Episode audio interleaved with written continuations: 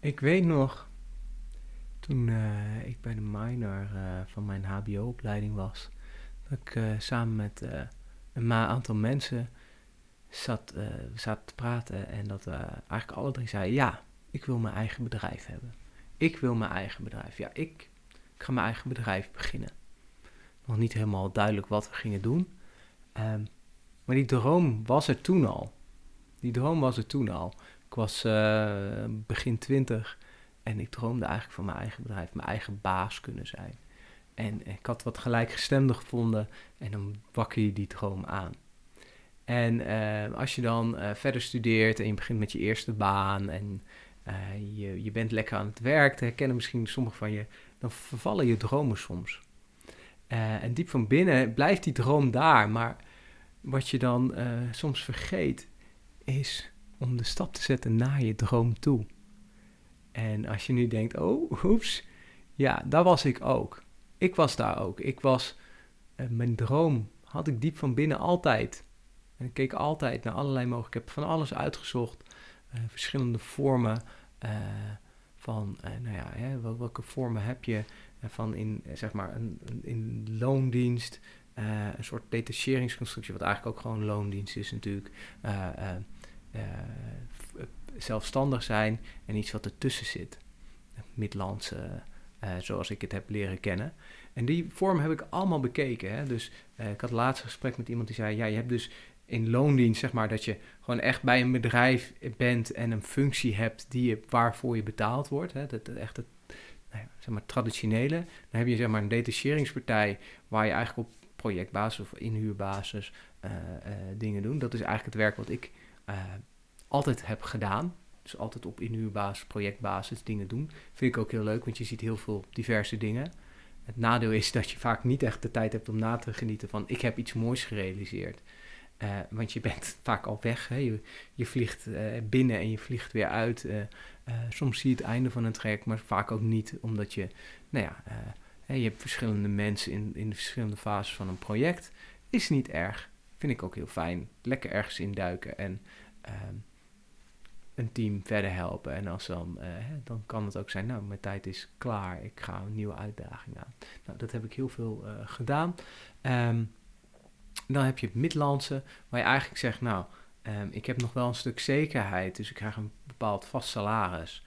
Dat spreken we af en eh, eigenlijk op basis van het uurtarief waarvoor ik projecten doe, dan krijg ik een bepaalde bonus. En hoe lager mijn eh, zekerheid, hoe hoger mijn bonus. Nou, eh, dat noem ik. Eh, op zich een hele mooie manier voor mensen die niet denken, oh, opdrachten zoeken, dat soort dingen, moeilijk, moeilijk, moeilijk. Nou, dan heb je nog een soort hè, maatschap waar je zegt, nou, ik heb een club mensen, we dragen een deel aan de maatschap af en die helpen dan elkaar verder eigenlijk met het zelfstandig ondernemen. Dus je hebt eigenlijk binnen een bedrijf kan je dan zelfstandig ondernemen. Nou, in de IT komt dat ook eh, redelijk veel voor. En dan kan je natuurlijk echt, echt voor jezelf beginnen. En mijn droom was dat echt voor jezelf beginnen. Ik heb dus gesprekken gehad eigenlijk op alle vormen heb ik gewoon gesprekken gehad die ik net noemde. En eh, nou, ik ben heel lang in de detachering, hè, toch maar als je net begint hebben we een bepaalde veiligheid, maar vaste, vaste dienst, nou, ik herinner me nog heel helder.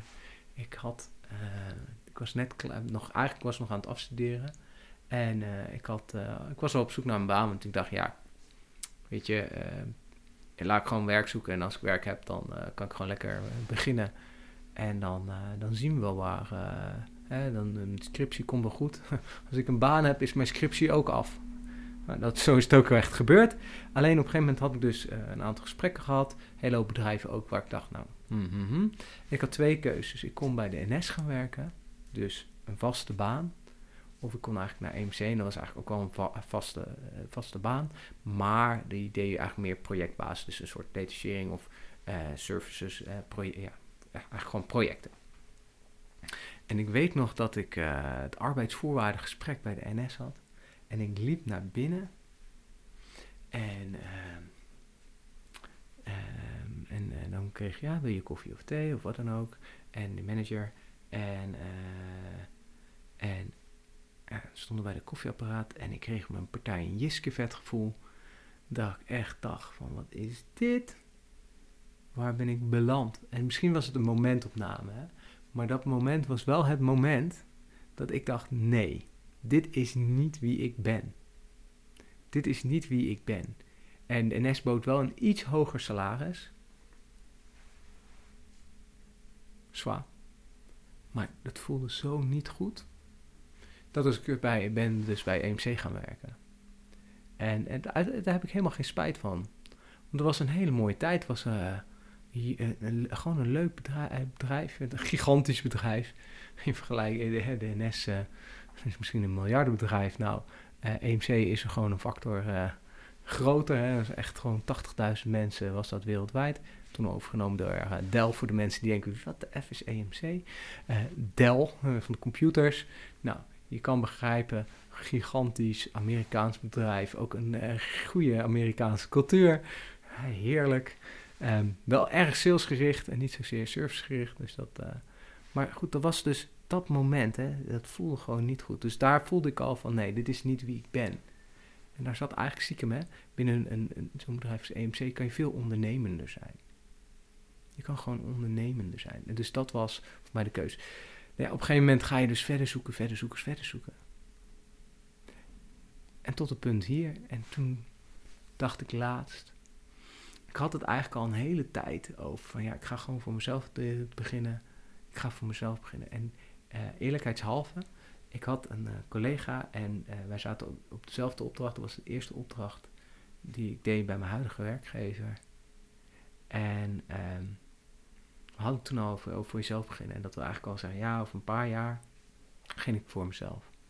En um, op een gegeven moment dacht ik, ja, nu ga ik het ook echt doen.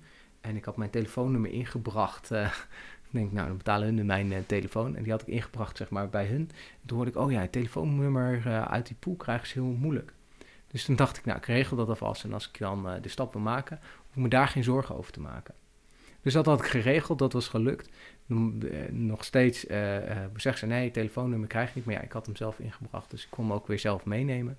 Die heb ik dus al een tijdje los. En mensen voelen waarschijnlijk al aan waar ik heen ga. En, ehm, maar goed, we hadden het erover en die droom bleef maar woekeren. En toen op een gegeven moment, voor corona, toen dacht ik, dit is mijn laatste opdracht. Dit is mijn laatste opdracht bij Leblanc. En toen kwam corona.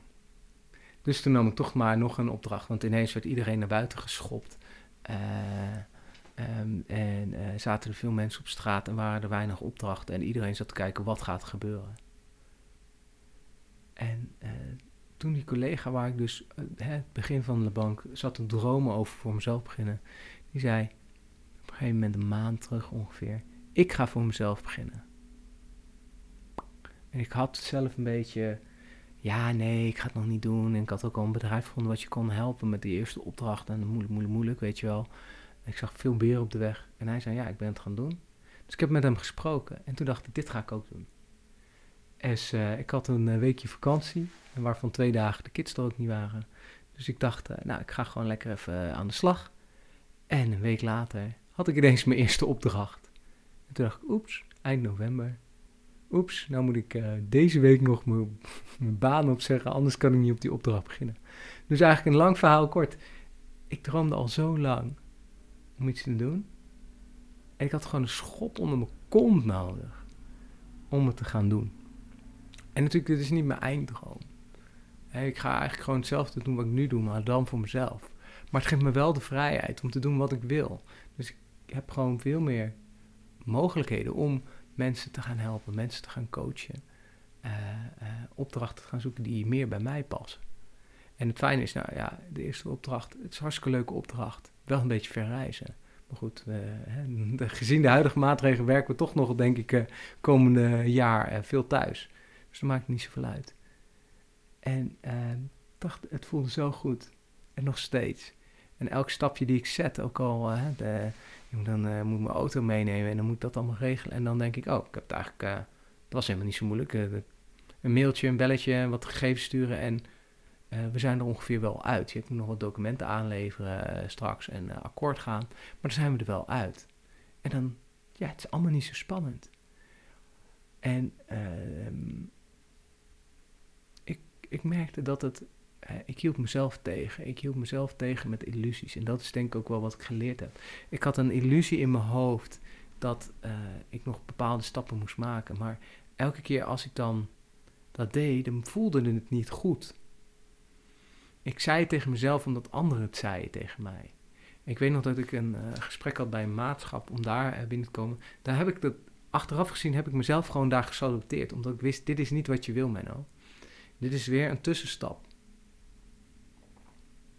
En daarom dacht ik ook, daarom voelt het ook zo goed. Dit voelt precies de stap die ik moest zeggen. Geen tussenstappen meer. Gewoon meteen naar het doel. Gewoon gaan staan waar je wil staan. En soms heb je een paar stapjes nodig. Maar soms kan je ook gewoon zeggen: nee, ik sta één of twee stappen over. Ik ga meteen hiervoor. En ja, dat is spannend. Maar als het goed voelt, moet je het gewoon doen. En ik denk dat dat ook wel de belangrijkste les voor mij is. Van als het goed voelt, moet je het doen. Doe wat goed voelt voor jou. Hou rekening met wat jij nodig hebt. Dus misschien, ik heb het volgens mij eerder gedeeld. Een van de beste adviezen die ik heb gekregen. Kijk altijd wat jij nodig hebt, waar jij naartoe wil. En dan ga je kijken of dat in lijn is met wat het bedrijf wil. Want een bedrijf kiest altijd voor zichzelf en zal altijd jou in een richting sturen wat zij nodig hebben. Wat zij zien als een, een kans, wat hun meer waarde biedt.